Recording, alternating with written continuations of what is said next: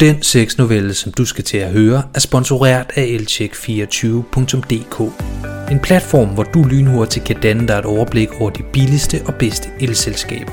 Vidste du, at det tager under 5 minutter at skifte elselskab, at det typisk er gratis, og at rigtig mange danskere kan spare mere end 1000 kroner årligt ved at skifte fra deres nuværende leverandør. Så besøg elcheck24.dk og find den elleverandør, der passer bedst til dine ønsker og behov. God fornøjelse med novellen. Sammen med mine to bedste veninder vandrer jeg ned ad en af Aalborgs smalleste gader. De ujævne brosten. Beslutningen om at iføre sig højhælede sko og vores høje promiller besværliggør fremdriften. Men med sneglefart kommer Jomfru Anegade trods alt hele tiden en my tættere og tættere på, mens vi i kor synger Vi skal på grillen, vi skal på grillen, og vi skal have pølsemix. Over os hænger et enormt midnatsblåt tæppe, fyldt med tilfældigt placerede funklende stjerner på hele dets overflade. Omkring os forsøger de skæve, charmerende huse at holde balancen, og inden i os bobler en livsglad energi på en forventning.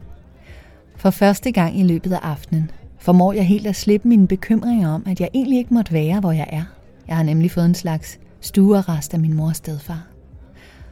For 14 dage siden var jeg også i byen, og det endte, mildt sagt, en anelse uheldigt. Jeg havde mødt en sød, charmerende fyr, som jeg var gået med hjem. Helt opslugt af hans væsen og min egen liderlighed, havde jeg glemt alt om at give min mor stedfar besked om, at jeg ikke sov hjemme. Og da de tilhører et bekymret segment, vågnede jeg op til 17 ubesvarede opkald og mindst lige så mange beskeder, da jeg fik øjne ved 11-tiden. Nøgen og bumpet ringede jeg straks min mor op, og allerede inden det første bip fortonede sig, havde hun taget den. Er det dig, Line? Hvad delen laver du? Hans og jeg har ikke kunne få fat i dig i snart syv timer.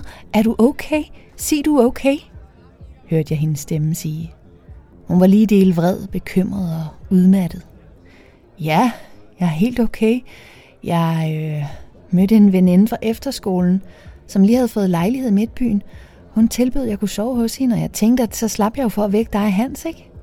Men jeg skulle nok lige have skrevet til jer. Undskyld. Ja, det skulle du. Ja. Hvornår kommer du hjem? Om en times tid. I løbet af denne time dalede mor og hans puls væsentligt. Klarsynet vendte tilbage og lod sig ikke længere forstyrre bekymring. Jeg nåede knap nok ind ad døren derhjemme, før vi endte i et større skænderi, hvor jeg blev kaldt både uansvarlig og egoistisk. I momentet var jeg træt og tømmermændsramt, så jeg så ikke rigtig tingene fra deres perspektiv.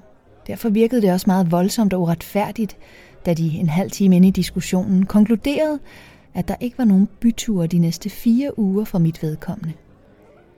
Fire uger? Hvad fanden tænkte de på? Det var jo en uendelighed. Og så lige i sommerperioden, årstiden for de fedeste fester, hvor man omgiver ens bedste venner, ølbowler i havestol til lyden af sommerlige toner fra en soundbox. Årstiden, hvor man er dejlig lækker brun, og hvor man kan ifører sig de flotteste sommerkjoler, der afslører lige nøjagtigt nok ud til, at en hver interessant fyrs opmærksomhed suges til ens krop på samme måde, som man selv suger alt indholdet ud af kroppen, der indeholder en iskold vaniljemilkshake, når eftermiddagssolen står allerhøjest. Som dagene gik efter diskussionen, blev min forståelse for mine forældres beslutning større og større. Jeg indså, at de havde været syge af bekymringer, overvejet at involvere politiet og alt muligt. Det skulle da også dårlig stil af mig ikke at give nogen livstegn overhovedet i så mange timer. Men sket var sket, og ærligt talt var der jo ingen grund til bekymring. Jeg var jo ikke i fare. Tværtimod blev der taget rigtig kærlig hånd om mig. Fyren, jeg var taget med hjem, var 28 år gammel, og han havde virkelig styr på at slikke fisse. Han var mit syvende knald, og ingen af de foregående seks kan sige sig have været i nærheden af at besidde de samme evner med tungen, som han besad. Aner ikke, hvad fanden han foretog sig dernede, men han vidste virkelig, hvad han lavede.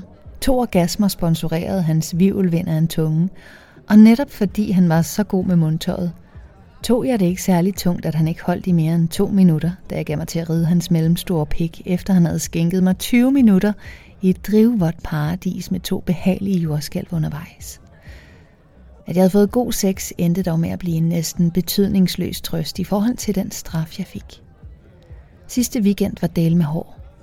Jeg kendte mine forudsætninger, vidste, at jeg havde udgangsforbud, og derfor burde jeg nok bare have holdt mig væk fra Instagram og forsøgt at hygge mig med min mor og han så meget, som man nu kan hygge sig med sine forældre, når man er 18 år gammel. Men det gjorde jeg ikke. Flere gange scrollede jeg igennem mit feed for at pine mig selv med billeder af alt det, som jeg gik glip af, mens et hold af ligegyldige tv-personligheder kæmpede sig igennem et ligegyldigt tv-program, så de kunne finansiere deres ligegyldige liv. Så kedeligt og spild af tid og ungdom. I dag endte heldigvis med at blive anderledes.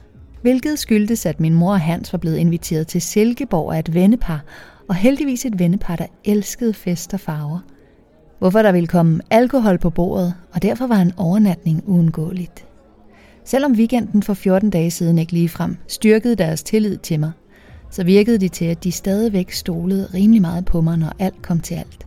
I hvert fald i tale satte de blot en enkelt gang, at jeg jo stadigvæk havde karantæne, og at de derfor forventede, at jeg blev hjemme denne weekend, selvom der ikke var nogen til at holde øje med mig.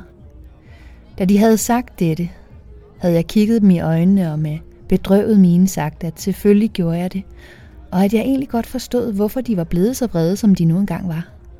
Et skarpt træk af mig, da det virkede til at eliminere risikoen for, at de ville alliere sig med naboer eller lignende, med henblik på at dokumentere, at jeg holdt ord. Endelig rammer mine to veninder og jeg den ene af de to indgange til gaden. Uden at konferere om, hvor vi skal hen, sætter vi kurs mod vores stamsted. Et diskotek med et kæmpe dansegulv, en masse dyre drenge og en målgruppe, der er jævnaldrende med os. Undervejs maser vi os forbi en strøm af mennesker, der bevæger sig i modgående retning. Undervejs møder jeg tre fyre, der bare er haps-haps. Hver af fyrene får et lille smil, og samtlige tre returnerer min gestus med et endnu større slagsen. Da vi når til stamstedet, stiller vi os i kø, og en flaske små sure, som Helle har båret hele vejen, går på omgang. Dørmanden tjekker grundigt ID på drengegruppen foran os. Det er 13, der hele flokken åbenlyst er over 18. Ubevidst gaber jeg et par gange. Endelig bliver det vores tur. Vi smiler sødt til den store fyr og blinker. Velkommen til, siger han, og lad os komme forbi uden at fremvise ID. I samlet flok bevæger vi os op ad trapperne. Den er så god, den der, siger Helle og refererer til sangen, der brager ud af højtalerne. Ja, skriger Lise og jeg, hvorefter vi alle øger farten af vores gang, så vi hurtigst muligt kan blive en del af dansegulvet. Det bliver vi omkring 30 sekunder senere. Ubekymret og lykkelig kigger jeg på mine tossede veninder, der skaber sig voldsomt. Tager en dyb indånding og lader rytmerne diktere mine bevægelser, mens jeg fuld af forventning og glæde tænker, det bliver en danseaften det her. Så fedt. Fire timer senere. Arm i arm slendrer Lise, Helle og jeg ned mod Nytorv, hvor taxaerne plejer at holde og vente på lette ofre. I en lykkeros taler vi om højdepunkterne fra de sidste fire timer. Ej, hvor var det grineren med ham, slangemennesket. De vildeste moves ever, siger Lise. Vi andre griner. Og hvad skete der lige for ham, der lavede helikopteren? skriger jeg grinende. Ja, det gav ikke så meget mening, at han var så glad for at vise den lille reje frem, skriger Lise. Vi griner alle tre. Hvem var ham, du kyssede med? spørger Helle. Øh, hvem er dem? siger jeg oprigtigt forvirret. Du er så slutty, siger Line i en venskabelig drillende tone. YOLO, skriger Helle. Igen flækker vi sammen med grin. Der er lys i den vogn derovre. Den tager jeg, siger jeg. Du er sikker på, at du ikke bare vil sove med os? siger Helle. Ja, jeg aner ikke, hvornår mor og Hans kommer hjem i morgen. Og karantænen, I ved. Det går sgu ikke, hvis jeg ikke er hjemme. Vi krammer, mens vi i kor siger. Jeg elsker jer, piger. I er de bedste.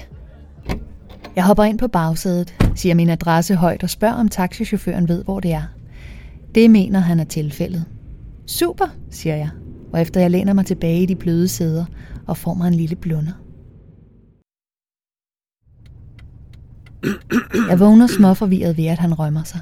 I bagspejlet ser jeg ham smile, hvorefter han overbærende siger, så er turen ikke længere, du. Jeg sender et smil retur, fisker mit dankort op af tasken og får betalt. Tak for tur, siger jeg og forlader en smule rundtosset taxaen. Finder husnøglen frem fra tasken og griber kort efter fat i håndtaget med henblik på at opretholde balancen, mens jeg skal stikke nøglen ind i nøglehullet. Jeg er lige ved at falde, da håndtaget går ned og døren op. Hvad fanden? Glemte jeg at låse? tænker jeg forvirret. Måske har mor og Hans lidt ret i, at jeg ikke er så skide hammerne ansvarlig, som jeg hævder, fniser jeg.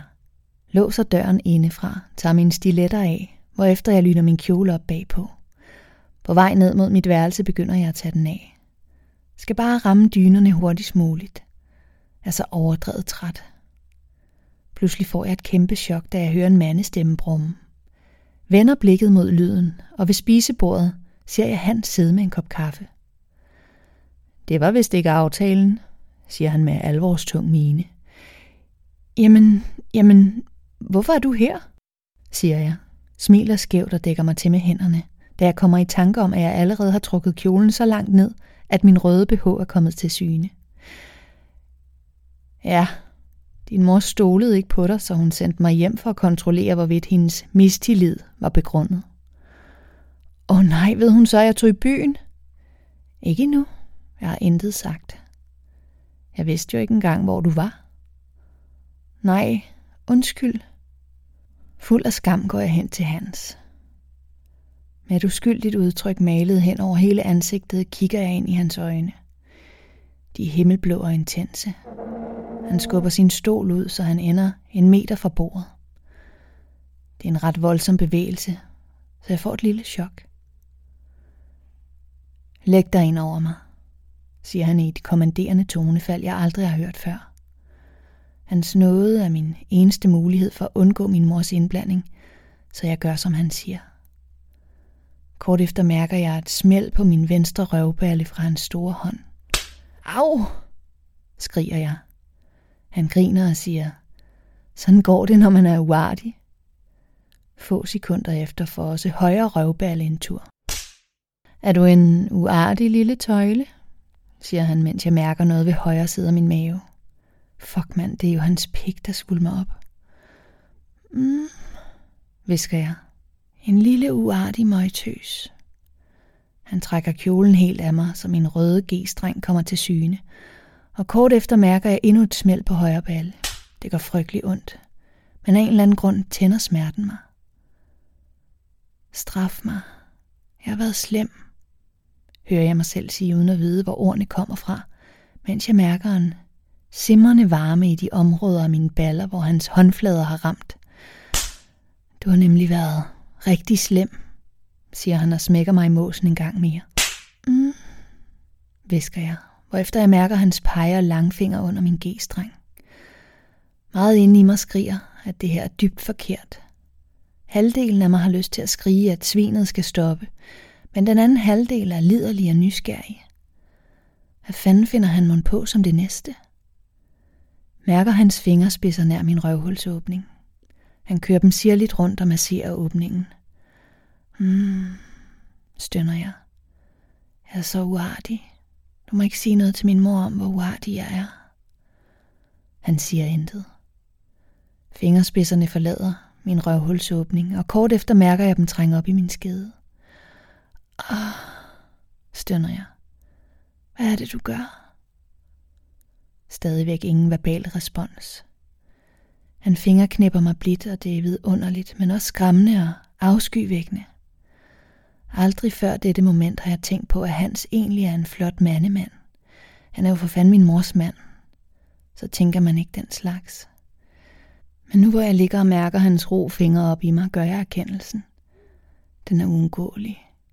En fræk, sexet mandemand, det er, hvad han er. Store hænder. Dygtig håndværker. Ikke god til følelser. Muskuløs. Skrupelløs. Åh, ah, bliv ved, visker jeg. Han stopper. Hvad nu, tænker jeg?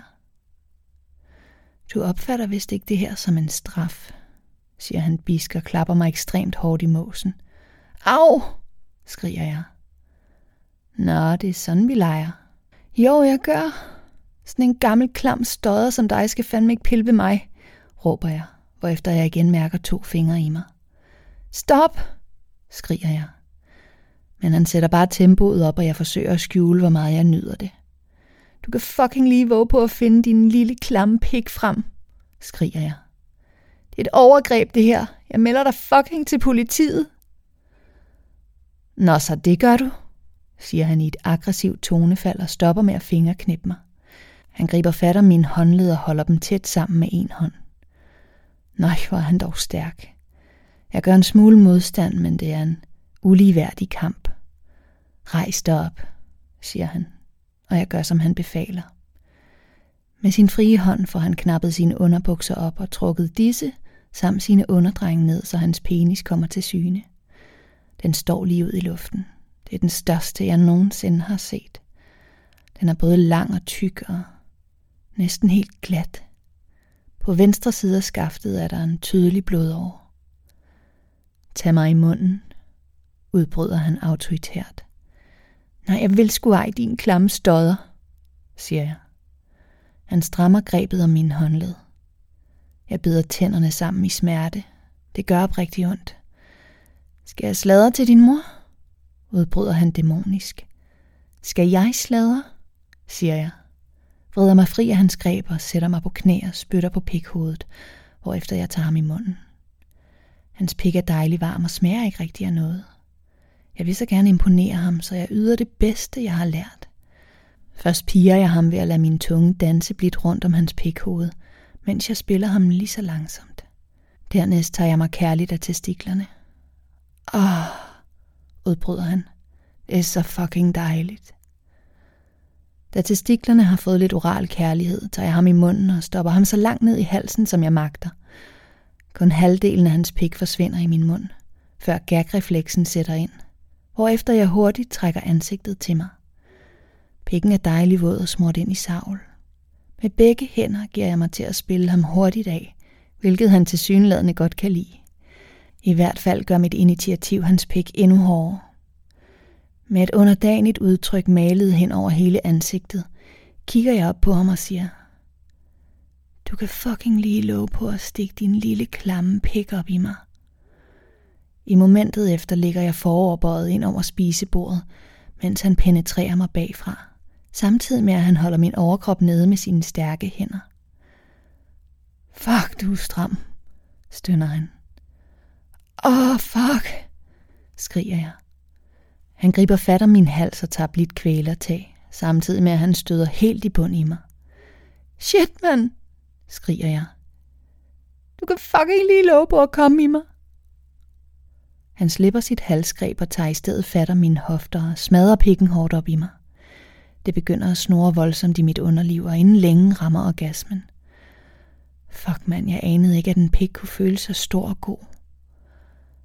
Han sætter stødtempoet endnu højere op, og jeg kan ikke længere styre mig.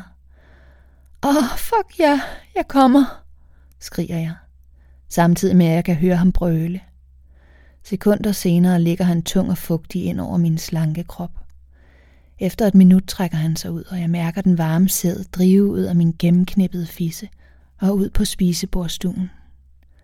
Udmattet, skræmt og tilfredsstillet kigger jeg spørgende på ham. Hvis du ikke siger noget til din mor, gør jeg heller ikke, siger han med en voldsom myndighed i sin stemme. Jamen, det gør jeg ikke, siger jeg nervøst.